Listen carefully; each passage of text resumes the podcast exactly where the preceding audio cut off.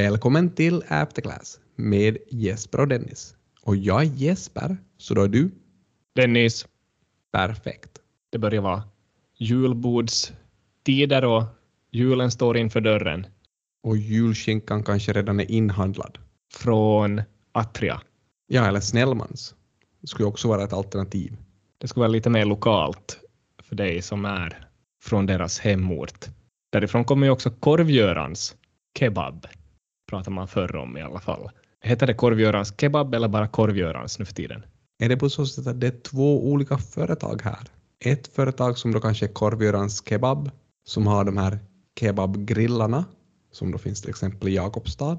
Och ett företag som heter Korvgörans, som då i princip producerar likadan kebab som finns på de här grillarna, men för livsmedelsbutikerna.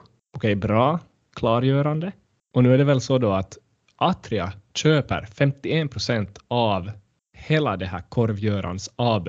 Ja, och det är väl just den här delen som levererar till butikerna som de köper 51 procent av.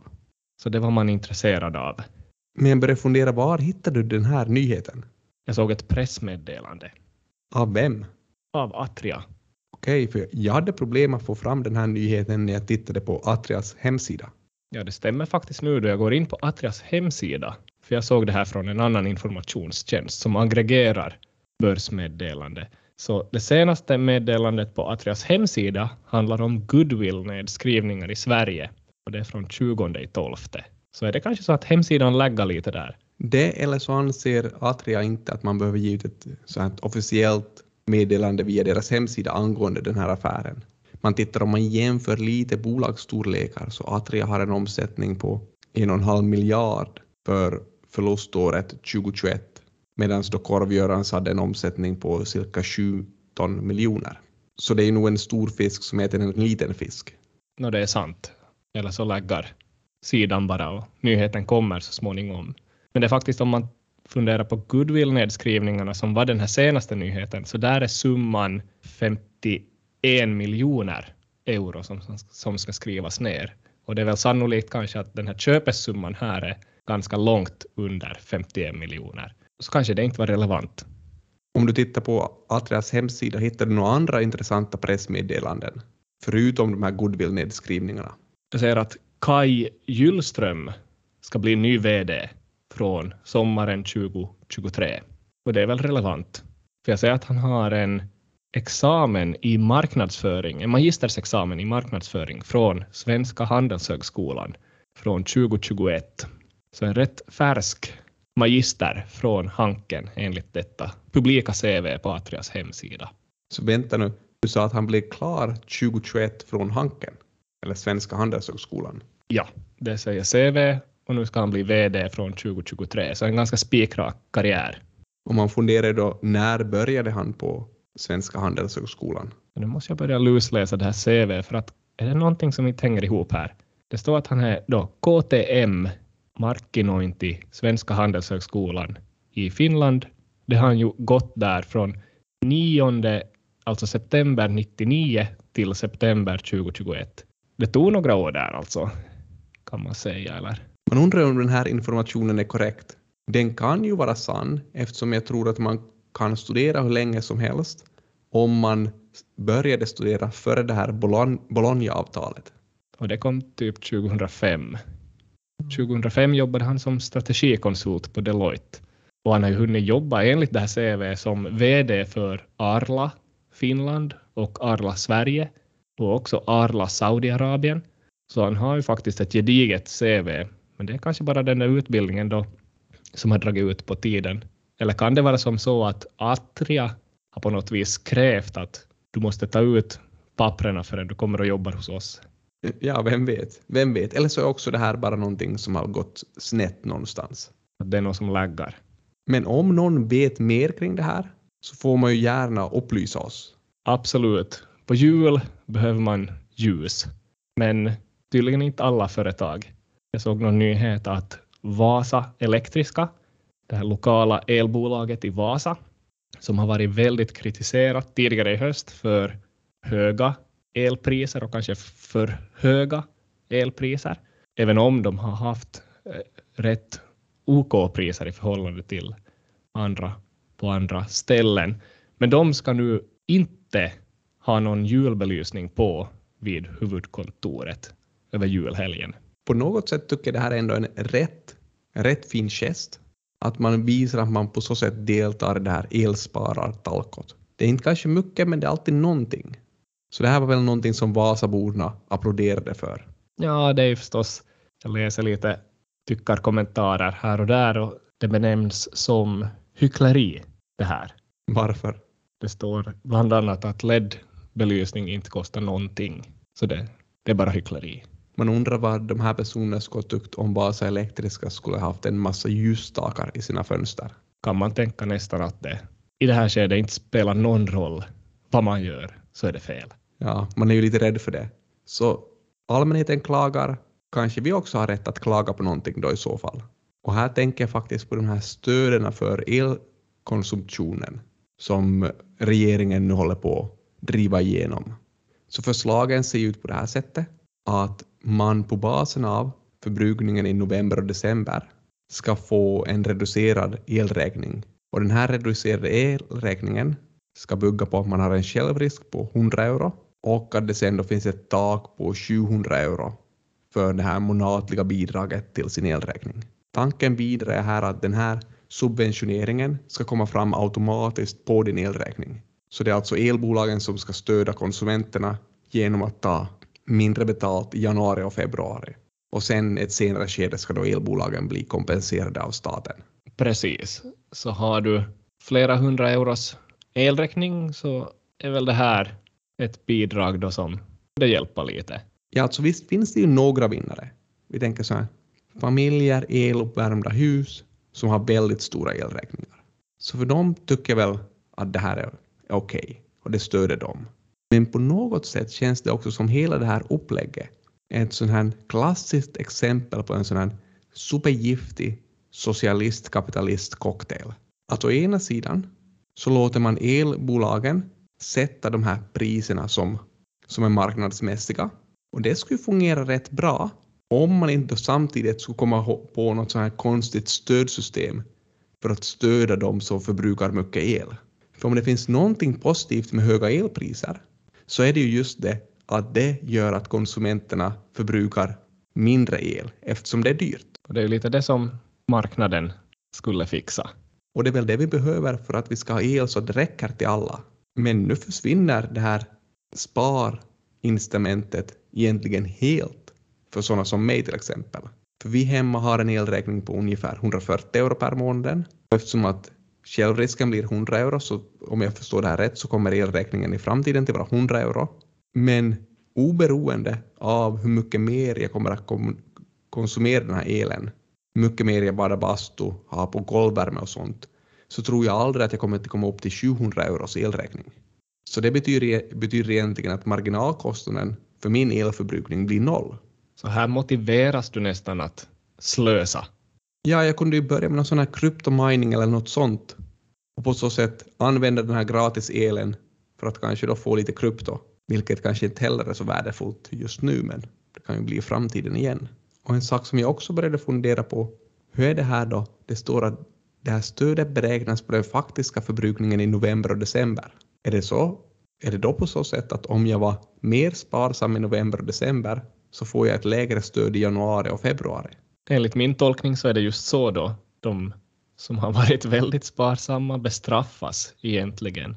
Eller nu då motiveras att bränna på utav bara vad i december och det som finns kvar av december. Ja, och det är inte bara så är det sparsamma personer som kanske bestraffas eller att det blir konstigt för dem, utan det är också de här lokalägda elbolagen.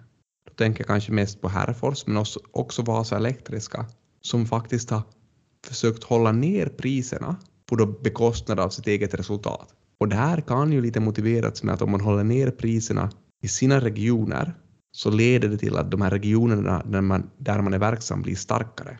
Man kan tänka lite som att det här samhället har lite socialt kapital. Så Vasa Elektriska och Herreforsen har varit beredda att göra lägre vinster för att vi här i Vasanejden och Jakobstanejden ska ha, ha det lite bättre. Vilket det finns någon logik i det där ändå, för man tar hand om sitt närsamhälle. Men det här blir då riktigt konstigt här nu när det här stödet kommer in.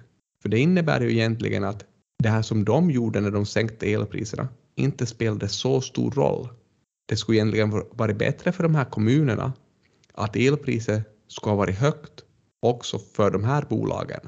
För då skulle de här kommunerna ha fått mer pengar. Privatpersoner skulle ändå ha blivit subventionerade av staten. Så där har vi också några förlorare på det här.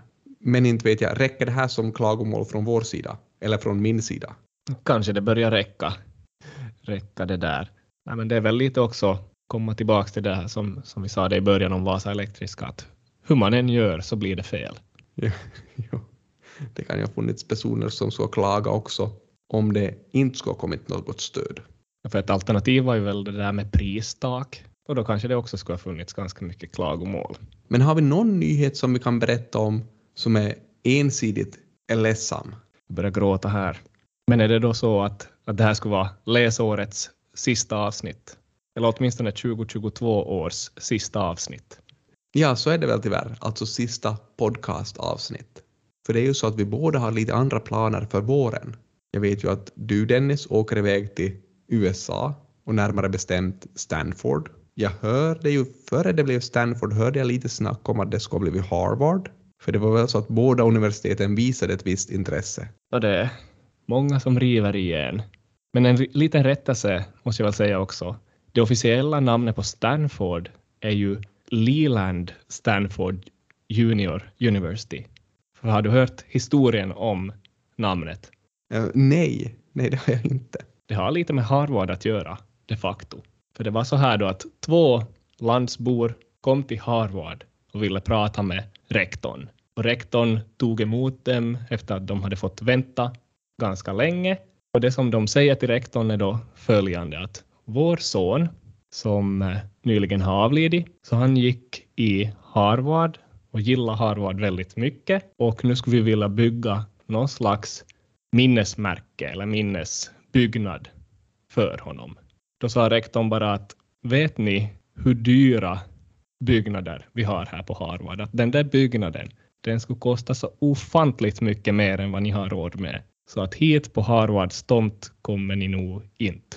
Så då var det här paret Stanford då gjorde var att de for till Palo Alto, Kalifornien, det som i princip är Silicon Valley, och där grundade de ett nytt universitet istället med, med, genom att först anlägga en, en minnesbyggnad för deras avlidne son. Så det var ju en, en rätt bra historia måste man ändå säga. Ja, den är rätt bra om den skulle vara sant, sann.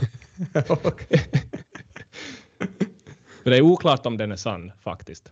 Vilken del av den? Att de var på besök vid Harvard före de gjorde det här beslutet eller att det är grundat och har det här namnet? Namnet är rätt, det officiella namnet. Men det är väl det där att de var på besök till Harvard och frågade Harvard först som folk hävdade kanske osant. Eh, för det hör till saken att den här sonen, den här Leland Stanford Jr, så han dog vid 15 års ålder och hade troligtvis aldrig gått vid Harvard, utan han dog på en utlandsresa av tyfus. Så istället, då han dog, så de bodde då redan i Kalifornien och hade rätt mycket land där i det här Bay Area och då sa de här föräldrarna att Kaliforniens barn ska vara våra barn och således ska vi grunda ett sånt här universitet här. Hur säker är vi på att det är sant att de sa att Kaliforniens barn ska vara våra barn? Ja, jag kan berätta mera sen om vi hörs någon gång i framtiden då jag har varit där.